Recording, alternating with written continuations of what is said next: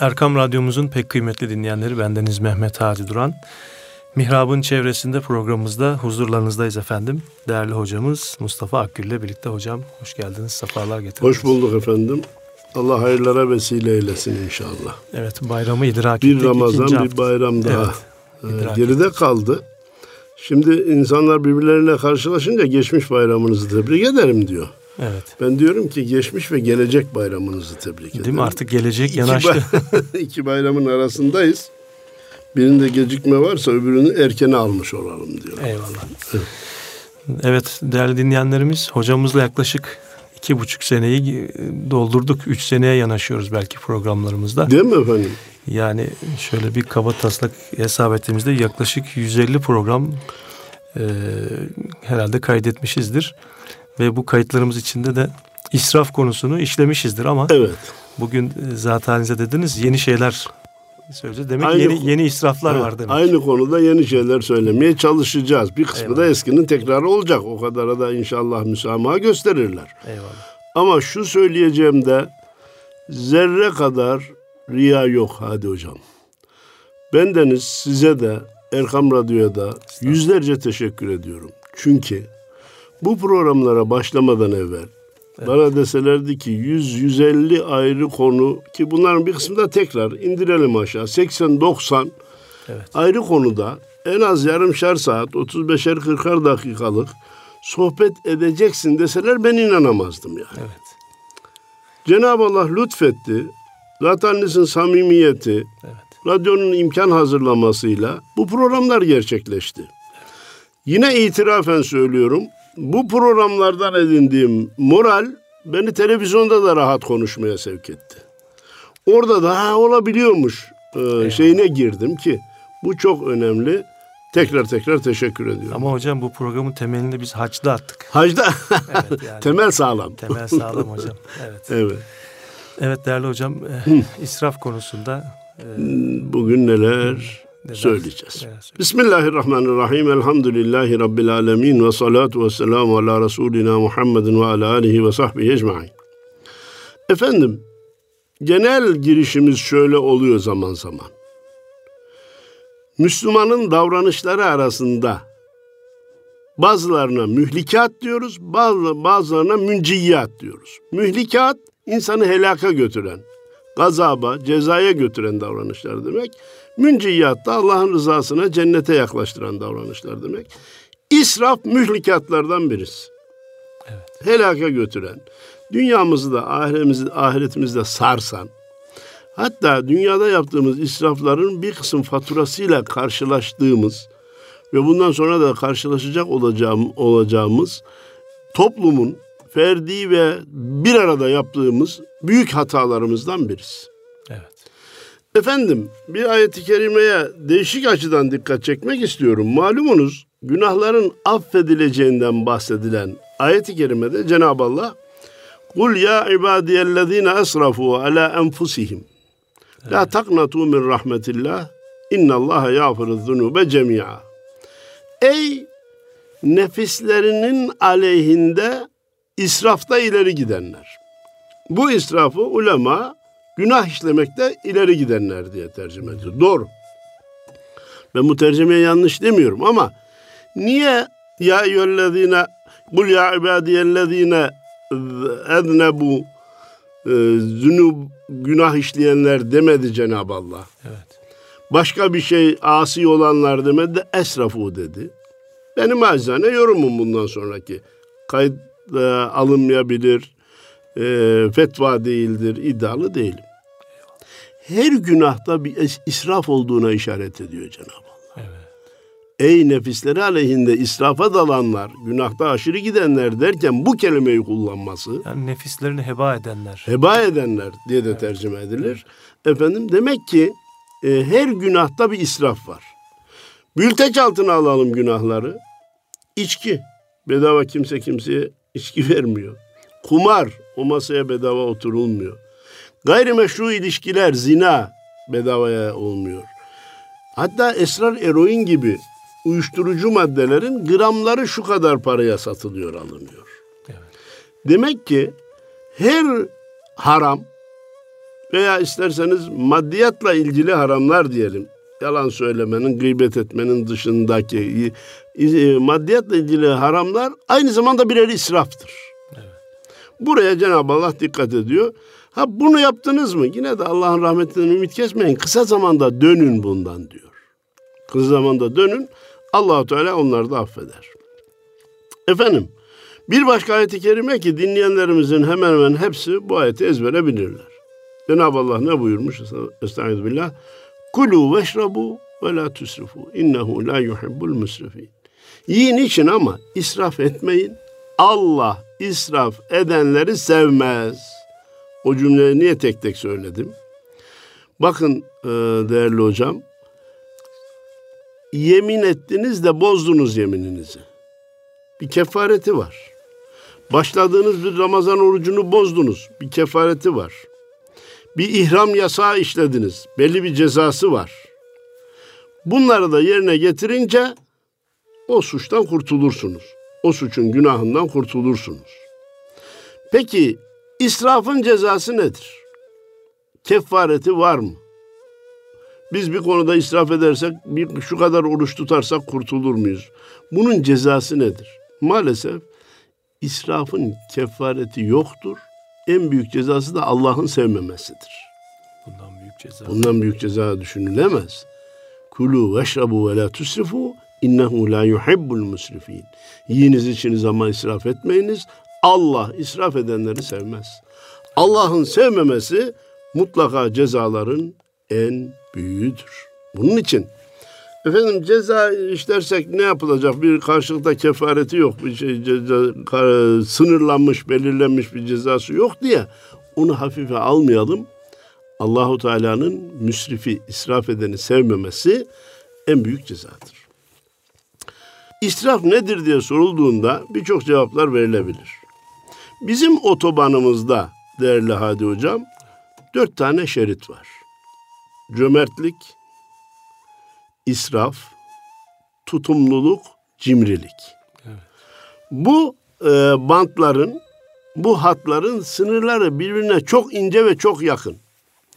Eğer fark etmezsek, dikkat etmezsek, Efendimizin hadis-i şeriflerini, ayet-i kerimeleri sık sık okuyup da zihnimizde tazelemez isek, işte sohbeti zaman zaman tekrarlayıp tekrar dinlemez isek, farkında olmadan hat değiştirmiş, şerit değiştirmiş oluruz. Cömertlik güzel bir şey, övülmüş bir şey. Bir e, sohbetimizde arz etmiştim. Efendimiz Peygamberimiz Aleyhisselatü Vesselam buyuruyor ki, cömertlik kökü cennette, dalları dünyaya sarkıtılmış bir ağaçtır. Kim cömertlik ağacının dallarından tutunur da devam ederse varacağı yer cennettir. Çünkü ağacın kökü cennettedir. Cimrilik de kötü bir e, adettir. Evet. Cimrilik de kökü cehennemde olan, dalları dünya sarkıtılmış bir ağaçtır. Kim onun dallarından tutar giderse cehenneme varacaktır. Çünkü e, ağacın kökü cehennemdedir. Tamam. Cömertliğin bir adım ötesi, bir şerit ötesi israf. Cimriliğin doğruluğa yakın bir adım bu tarafı tutumluluk, iktisat, orta yol. Efendimiz Peygamberimiz Aleyhisselatü Vesselam ne buyurmuştu? hayrul umuri evsatuha. İşlerin hayırlısı orta olanıdır. Ne cömertlik yapacağım derken saçıp savurmaya, ne de tutumlu olacağım derken cimriliğe geçmek doğru değildir. Evet. Cenab-ı Allah da Kur'an-ı Kerim'de ve la tubezzir tebzira. İnnel mubezzirine kanu ihvane şeyatin. Sakın saçıp savurma. Çünkü saçıp savuranlar şeytanın kardeşleridir diyor yani. Bu da çok ağır bir ifade. Başka ayet-i kerimede çok da eli sıkı olma. Tutumlu olacağım derken çok da eli sıkı olma, çok da saçıp savurma. İkisinin ortası Peygamberimizin de Cenab-ı Allah'ın da bize tavsiye ettiği yoldur. Efendim, bir başka soruyu gündeme getirerek cevabını arz etmek istiyorum. Zekatın farz olması için bir nisap miktarına sahip olmak gerekir. Zikredilen bir rakam var. Evet. Kurbanın vacip olması, fıtranın vacip olması için bir miktarın zikri var kitaplarımızda. İsrafın rakamı nedir? Evet. Hangi rakam olursa. Hangi israf. rakam olursa adına israf Ya diyeceğiz. kişiden kişiye herhalde değişir. Ha? Değil mi hocam? Ha işte israfın rakamı yoktur. Niye yok? İyi ki olmamış. 3000 liradan fazla harcarsanız israfa girmiş olursunuz diye bir rakam zikredilseydi. Aylık geliri 50 bin lira 60 bin lira olan birisinin 3 bin lira harcaması bırak israfı cimrilik olur. Evet. Cimrilik olur. O belki yanında bir iki tane de işçi çalıştıracak. Evinin temizliği için bir şey çağıracak. Onlar da oradan ekmek kazanacak.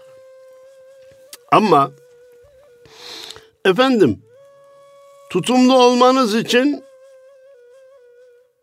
bin lira harcamanız lazım. Başka harcamamanız lazım deseniz bin lirayla geçinmekte sıkıntı çekecek. 1200'e geçen israf durumuna girmiş olacaktı.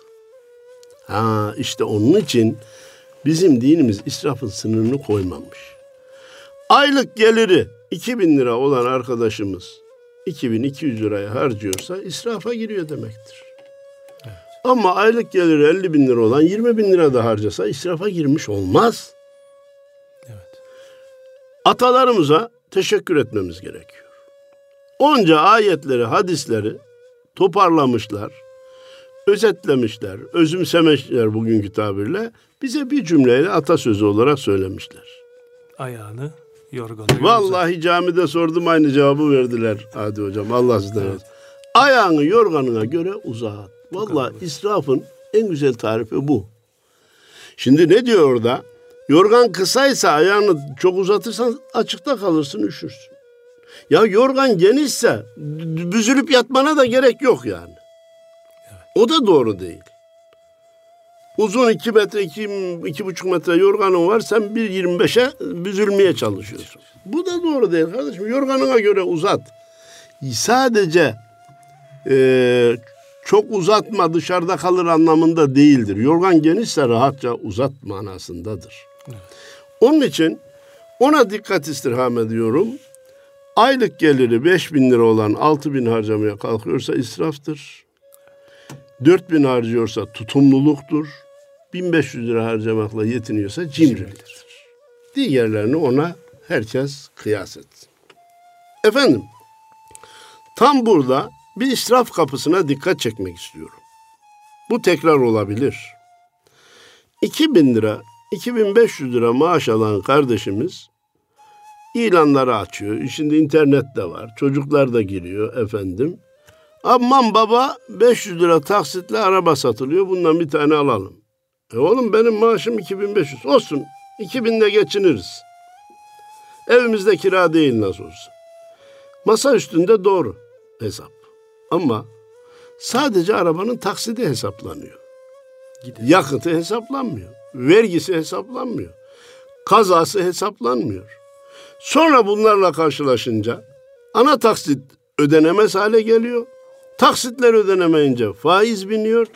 Faizler binince araba da elden çıkıyor. Üstüne de para ödeniyor. Aldığını alacağına pişman oluyor.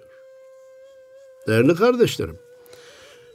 Müslüman üç düşünüp bir harcayacak. İyi ölçecek, iyi biçecek. Kon- Konfeksiyonda ölçüm kesimden çok önemli değil mi efendim? Evet. Ölçümü iyi yapmazsanız "E, bu kadar da buradan da bir şey olmaz deyip kesmeye başlarsanız dikişte o kendisini gösterir. İyi ölçüp biçmemiz lazım. Efendim israf deyince sadece para harcamasıyla ilgili bir davranış olmadığını da bilmemiz lazım. Evet. Başka nelerde israf olur Mesela hocam? vakitte değil mi hocam? Zaman israfı haddini aşmış. Bir kere bana göre bu israfı devlet de teşvik ediyor. 365 günün 175 günü tatil. Tatil. Hadi hocam.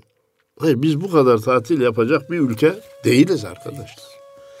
Elimizden gelse 360 günde 52 hafta mı var? Birer günün hafta tatili yapsak 52. 10 günde öyle koy 62, 65, 300 gününü çalışmamız lazım. Bunu çalışmayıp yarısını yattığımız gibi bu sene Ramazan bayramında tatil uzatılmadı. Vefat eden insan sayısı 78-80'de kaldı. 9 güne çıktığı senelerde 120, 125, 130, 140'a kadar gittiğini ben hatırlıyorum. Kardeşim 9 gün tatil bizim neyimize ve bak insanların vefatına da sebep oluyor.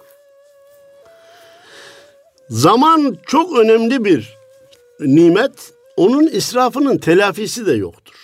Bu kahvehaneler dolup taşıyor. Allah razı olsun. Gel bir vakit öldürelim. Gel canım e, oturalım da vakit geçsin. Arkadaş paranı israf etsen bir müddet sonra tekrar kazanıp yerine koyabilirsin. Arabanı hor kullansan tamir edip tekrar düzeltebilirsin. Zamanı israf edersen geriye nasıl getireceksin? Getirme şansın var mı? Yok. Zaman israfında dinleyenlerimizin dikkatini çekerek büyük yanlışlarımızdan birisi de emekliliği zaman öldürme yaşı. Emeklilikten ölünceye kadarki zaman e, boşa geçirilecek zaman olarak görüyoruz. Öyle telakki ediyoruz. Ben deniz Anadolu'ya gittiğimde bilhassa öğlen ikindi namazlarında caminin dolu olduğunu görünce bir bakıma seviniyorum. Ya bu kadar insan namaz kılmaya geldi. Sonra düşünüyorum Hadi Hocam bu kadar insan niye şimdi burada? Hocam emekliyiz. Devletin verdiği maaş da bize yetiyor. Biz de burada. Olmaz arkadaş. 10 milyon emeklimiz var. Yaklaşık rakam söylüyorum. Yuvarlak rakam söylüyorum hadi hocam. Arkadaş sen emeklisin. İhtiyacım da yok diyorsun. Bırak ihtiyacını da. Eğer her emeklimiz 10 kök domates, 5 kök biber, 30-40 soğan yetiştirse, 10 kilo, 10 kilo sebze meyve üretse 10 milyon ton sebze meyve üretilmiş olur. Ya arkadaş bir maşallah maydanoz da mı üretemezsin? 10 kök fasulye de mi dikemezsin?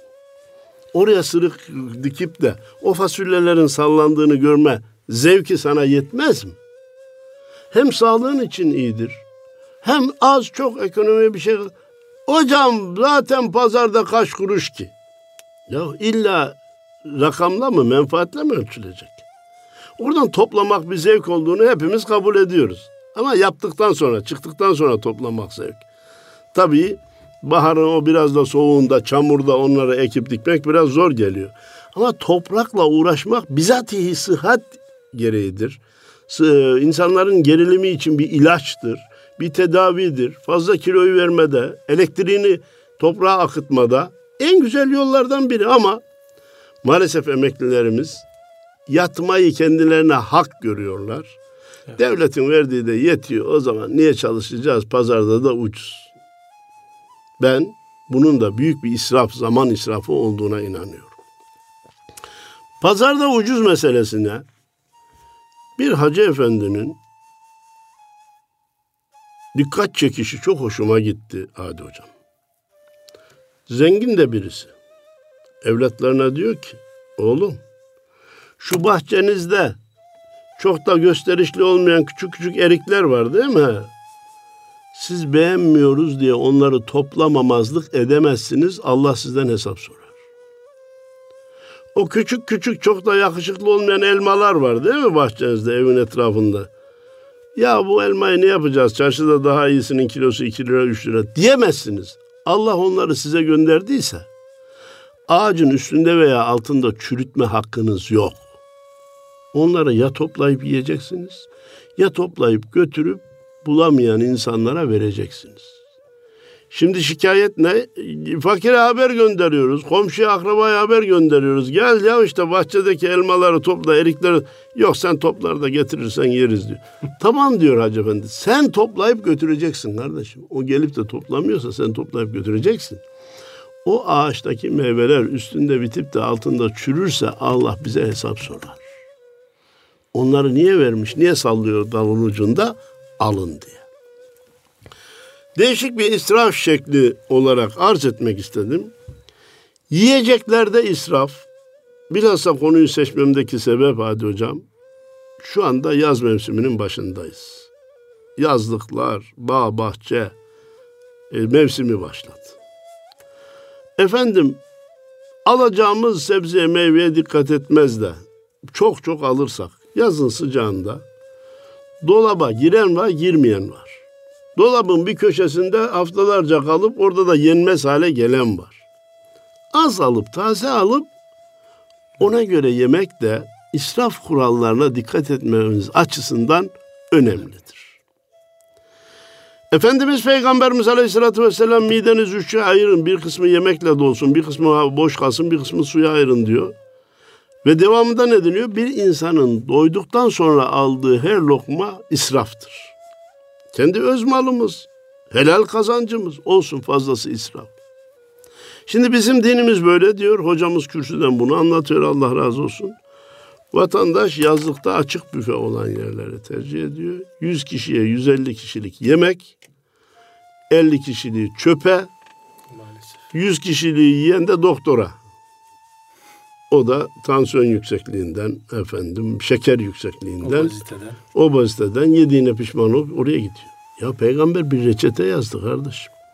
Açık büfede de olsan, nimetler, pilavlar, etler yığılı da olsa mideyin üçte birini doldur. Dolu kaba, işlerin dolu kaplar içerisinde Allahu Teala'nın en çok gazap ettiği kap dolu midedir buyurdu Efendimiz. Eskiden insanlar yiyecek bulamamaktan şikayetçiydi. Şimdi çok yemekten dertliyiz. Bu da israf. Hemen burada başımıza balyoz gibi düşen, her konu açıldığında da tekrarladığım günde 6 milyon ekmeğin çöpe gitme gerçeği. 10 günde 60 milyon eder. Hadi hocam. 100 günde 600 milyon eder. Bana yardımcı ol. 300 günde 1 milyar 800 milyon ekmek eder. Gerek bunlar, gerek açık büfelerden çöpe dökülen yemekler, Afrika'da 3, 4, 5 tane ülke insanını doyurmaya yetecek kadar büyük nimetlerdir. Bunlara dikkat etmek lazım. Yazlıklar misafir gitmede, misafir kabul etmede de israflara giriyoruz. Giderken o bizim amcaoğlunun yazdığı var. Haydi toplanıp gidelim 20-25 kişi. Adamın yazdığını da başına zindan ediyorsun. O amcaoğulları bize gelmiş. Üç kişiler ama biz on kişilik yemek yapalım da ya bunların yemeği yokmuş demesin. Efendim haydi bir ev sahibi israfa giriyor. Çok çeşit yapmaya çalışıyor. Aman yiyin diyor. Yemin veriyor bilmem ne. Şimdi bir de çok yedirmek için yemin şeyi var. Ben asıl açık büfenin dinleyicilerimizin dikkatini rica ederim. Ben asıl açık büfenin evlerde uygulanmasını istiyorum. Evet. Ne demek hocam 15 tane yemek mi hazırlarım? Yok kardeşim. Çorbayla pilav mı var evde? Koyun masanın üstüne. Herkes istediği kadar alsın. Yok. illa tabaklar yığılıyor efendim. Ondan sonra sıkıntı çekiliyor. Yiyecekse tekrar alsın. Masanın üstünde dursun. Açık büfe illa çok çeşit anlamına değil. Herkesin yemeği istediği kadar alabilmesi manasına gelen bir yeme şeklidir. Evlerde bunu uygulayalım diyorum. Ee, yazlığa giden yakınlarımızı rahatsız edecek misafirliklerle gitmek israftır. Gelen misafiri hava atmak için, nimet göstermek için, zenginliğini göstermek için ona ikramlarda bulunmak da israftır dikkat edile diye düşünüyorum. Efendim nesilde israfa dokunmadan geçmek istemiyorum. Nesilde israfın birkaç şekli var hadi hocam. Birisi bu doğum kontrol hapları, çocukların düşürülmesi, dünya e, nikah ana karnında oluşan çocukların düşürülmesi. Aynı konuda üçüncü bir israf şekline girdik. Radyasyonla olan temasın artması, televizyon, cep telefonu, internet, o vericiler, baz istasyonları ana karnında ve ve özür diliyorum bir adım geriye atıyorum. Hormonlu yiyecekler ana karnındaki çocukların engelli olmasına, olmasına sebep. sebep oluyor. Bu da bugün ultrasonla tespit edildiği için daha doğmadan ananın babanın dünyası kararıyor. Çocuğumuzun bir kolu yok, iki ayağı yok. Beyin gelişmesi normal değil. Doğduğu zaman efendim şöyle olacak. E bunların sebebine neslin neslin israfı var burada. öl- her şeyi ölçülü kullanmak mecburiyetindeyiz. Şu cep telefonları hem kullanan insanın beynine zarar veriyor. Uçakta kapatın diyor adam ya. Demek ki uçağa zarar veriyor ki kapat diyor. Ya nedir zorudur değil mi hocam? Daha inmeden havada açıyor. Abi havada açılıyor. Otobüste açık. Vapurda açık. Trende açık. Ya dinliyor ya bir şeyler yazıyor. Ya ben şunu dikkat ediyorum. Geçen bir Hı. seyahatte in, indik diyor. Heh. Yani sen demesen sanki inmedik. Ya ve dolmuşta diyor ki 15 dakika sonra eve geliyorum. Ya zaten 15 dakika sonra eve varacaksın. Tekrar açıp söylemeyin ne gereği var kardeşim ya? Evet. Bir başka hanımefendi arkadaşına veya komşuna yemek tarif ediyor telefonla. Bu şirketlerde israfı tahrik etti ya şu kadar dakika bedava. Bu kadar da üstüne efendim ek veriyoruz bilmem ne filan. Bunlar aldı gitti. Söz telefona gelmişken cinayet israfa dikkat çekmeden geçebilir miyiz? 5 yaşındaki çocuklara kadar indi telefon. Maalesef. Neymiş bizden daha iyi kullanıyor. Kullanıyor da o çocuğa ne zarar veriyor hiç hesap ediyor muyuz? 80 milyon nüfusumuz var. Yanlış duymadımsa 55-60 milyon telefon varmış. Hadi hocam ya. Evet. Bu bir cinayet. Bunların kullandığı ceryan, bunların eskiyip atılması, daha felakete de eskimeden atılması. Yeni bir e, model çıkıyor. Bizim kız bizim oğlan onu istiyor. Arkadaşlarını da görmüş. Onlar bu da ondan e, edinmek Geri istiyor. kalmasın. Geri kalmasın. Onların yanında mahcup olmasın. Sonra aylık fatura. Nasıl olsa anne ödüyor, baba ödüyor. Yavrum, kızım, oğlum sen daha okuldasın. Ailenin verdiği harçlıkla geçiniyorsun. Bu telefon ve bu kadar telefon masrafının aslı ne? Akli bir izahı var mı? Yok çocuklara laf söylenmez. Şimdi eee, neydi baba baba erkil, ana erkil, çocuk erkile geçtik. Çocuklara laf söylenmez. Aynı zamanda telefonla olan felaketlerden birisi ki telefon şimdi internete de giriyor. Gerek kendi mesajıyla, gerek internet vasıtasıyla telefonlar yuvalar yıkıyor. Bir haneyi çökertiyor. Yani israfın haddi hesabı yok. Oradaki maliyeti bile kalemler hesaplayamaz. Efendim bugün değerli bir gazeteci dostumla görüştüm. Dedim ki ya Turgay Bey sen de başka fazla numara olduğunu zannetmiyorum. Espri yapayım dedim. Yok bir tek numara var hocam dedi. E dedim mesaj yazdım bakmadın ulaşmadı filan. Ya hocam dedi ya bu mesaj bizi öldürdü dedi. Bin tane cumanız mübarek olsun mesajı gelir mi arkadaş ben hangisine bakayım dedi. Evet maalesef. Bir kısım gruplar oluşturuluyor değil mi Hadi Hocam? Evet. Rastgele söylüyorum. Ee, Kayserililer grubu. Bir grup oluşturun. Ya Kayseri ile ilgili bir mesaj varsa, hemşerilerin duymasının gerektiği bir mesaj varsa yaz gönder.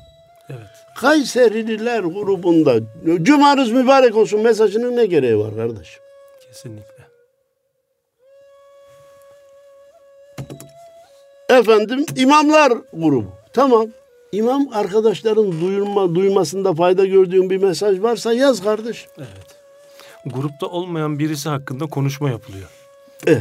Yani bir de bir alakasız şeyler de. Ve ben üzüldüm isim vermeyeceğim bir grupta sırf Arapça mesaj. Evet. Arapça bilmeyenler insan değil mi peki? Bir başka cinayet. Bana göre cinayet. Gecenin dördü arkadaş mesaj gönderiyor. Hayırlı geceler. Ya da Hayırlı dört buçukta cumalar. hayırlı cumalar, hayırlı sabahlar. Ya arkadaş. Bu adam telefonu sessize alsın diyor. Sessize aldığı zaman önemli mesajlar da gelemez olur. Onu da duyamaz olur. Gecenin bu saatinde ona lüzumsuz mesajı göndermek resmen kul hakkıdır. O saatinizi söyler misin hocam? Hangi saatler arasında? Allah razı olsun. Sabah 10, akşam 10. Evet. Mesaj saati sabah 10, akşam 10 arasında olmalı. Hayati şeyler hariç. Hayati şeyler hariç. Zaten ondan sonra geri kalan hayati olursa 12'de 1'de 2'de de geldiğinde adam bakar. Baktığı zaman da iyi ki geç kalmamış gelmiş denir. Evet. Efendim çekiyor saat bir buçukta.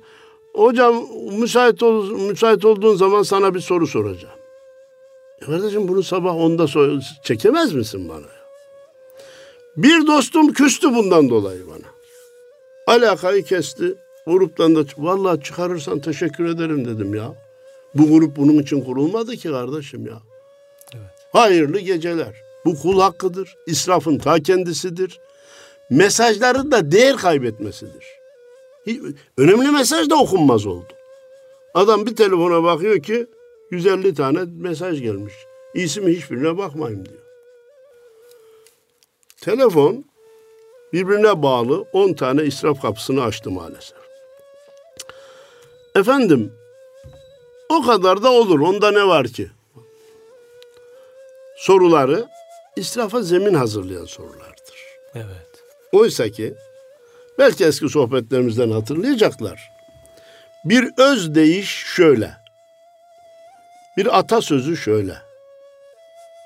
Büyük iflaslar küçük israflardan doğar. Büyük iflaslar küçük israflardan doğar. Ondan ne olur ki, bundan ne olur ki dersin üst üste birikir, altından kalkılamayacak yerlere götürebilir. Elektriğin parasını veriyoruz diye fazla yakmaya hakkımız yok. Suyun parasını veriyoruz diye fazla kullanmaya hakkımız yok. Tamiri gerektirecek muslukları tamir etmek bizim boynumuzun borcu mecburuz. İsteğe bağlı değil.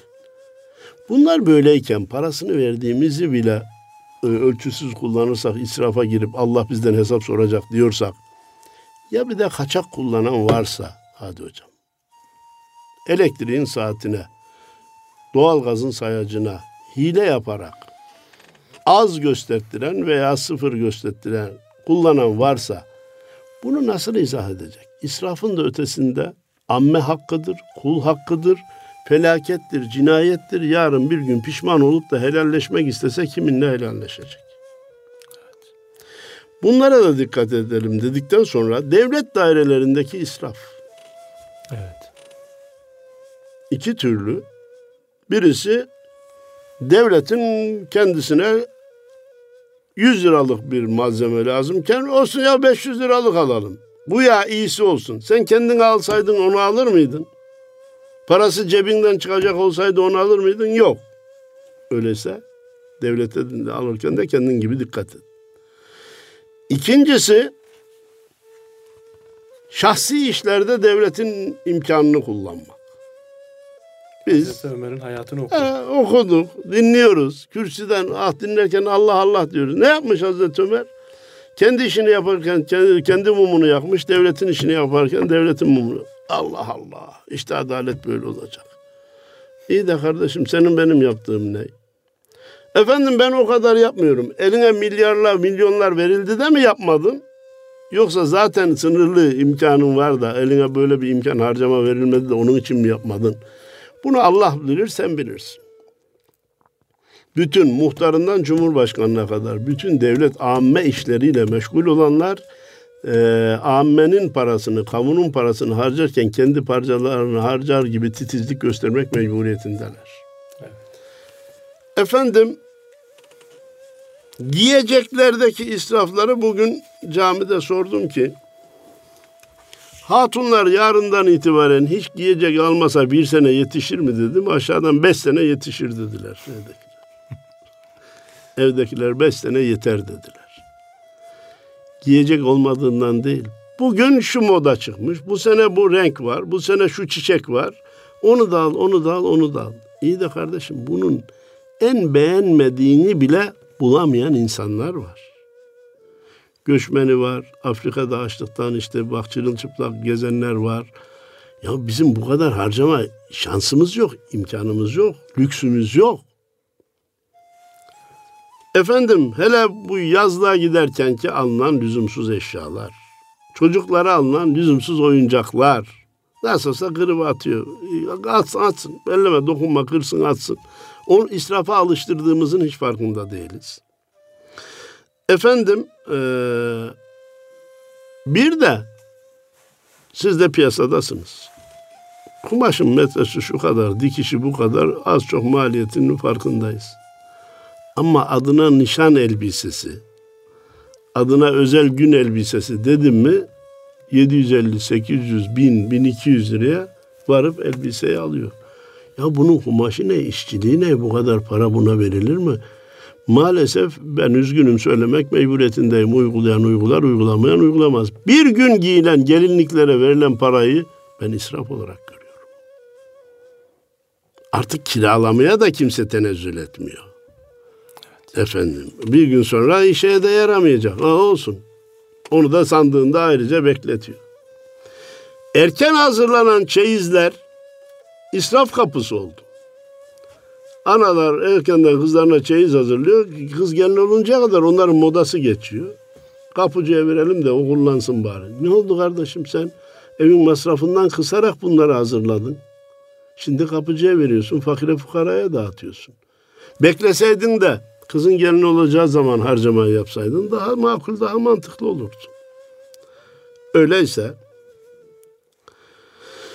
son cümle hayırda da israf olur mu? Ölçüsüz hayırda da israf olur hadi hocam. Evet. Evini sat, kiraya çık, getir bizim Kur'an kursuna bağışla. Arabanı sat, sen dolmuş minibüs in bin, getir bizim İmam Hatip okuluna bağışla. Tarlanı, bağını, bahçeni sat. Bak Hazreti Ebu Bekir her şeyini vermedi mi? Ya kardeşim verdi de bu ümmetin hepsi Hazreti Ebu Bekir olamaz demiyorum, olmamalı diyor. Olamaz ayrı bir gerçek.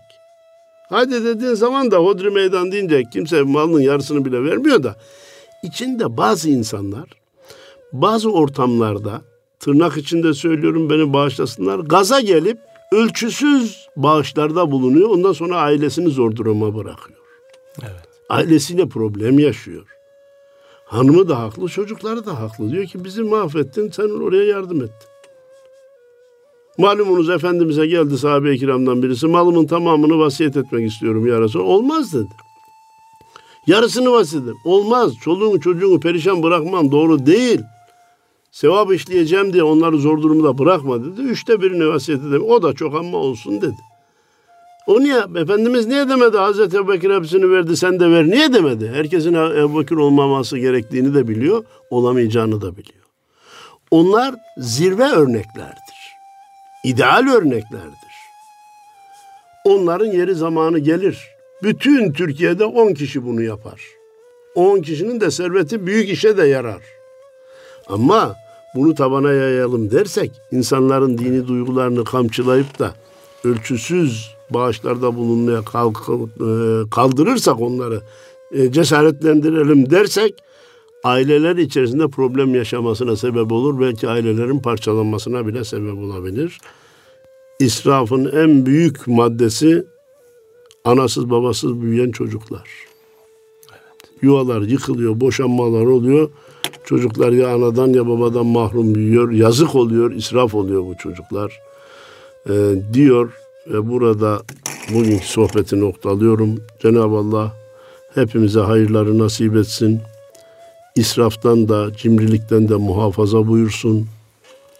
İşlerin hayırlı olan orta yoldan gitmemizi nasibi müyesser Orta yoldan ayırmasın bizi. Amin. Değerli dinleyenlerimiz, Mihrab'ın çevresinde programımızda değerli hocamız Mustafa Akgül ile birlikteydik. Allah'a emanet olun efendim.